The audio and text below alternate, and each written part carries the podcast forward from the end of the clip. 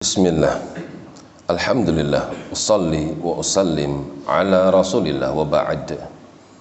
Masih di dalam surah Al-Mu'minun.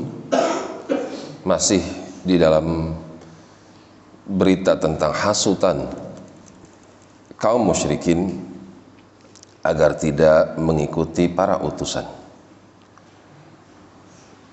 Mereka katakan tidaklah soleh kecuali bashar dia cuma orang aja. Sama seperti kalian. Yakul mereka atau nabi itu makan mimma ta'kulun.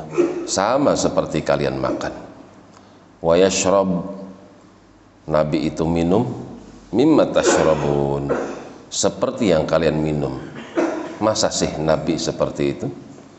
Wala in ata'tum basharan mithlakum maka aku ingatkan kalian jika kalian mentaati manusia yang modelnya sama seperti kalian meninggalkan budaya kalian innakum idzalla khasirun ketahuilah pasti kalian termasuk orang-orang yang merugi.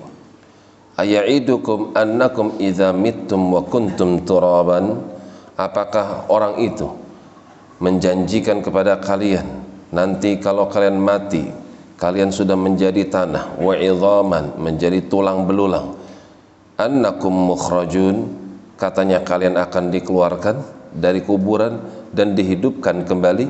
Hayhata hayhata sungguh sangat jauh sekali. Lima tu'adun dari apa yang dijanjikan sama orang yang ngaku nabi tersebut. In hiya illa hayatuna dunya tidaklah kehidupan kita itu kecuali kehidupan dunia saja. Namutu wa nahya ada yang mati di antara kita. Ada juga yang hidup di antara kita. Ada kelahiran ada kematian. Wa nahnu bimab'utsin sekali-kali kita tidak akan pernah dibangkitkan. In illa rajulun iftara 'ala Allahi orang itu tidaklah kecuali orang yang berdusta atas nama Allah wa ma nahnu lahu bimu'minin. Kami siapakah kami di sini? Sebagaimana ayat yang sebelumnya atrafnahum. Tokoh-tokoh. Maka kami ingatkan kalian bahwasanya kami sekali-kali tidak akan beriman kepada orang tersebut.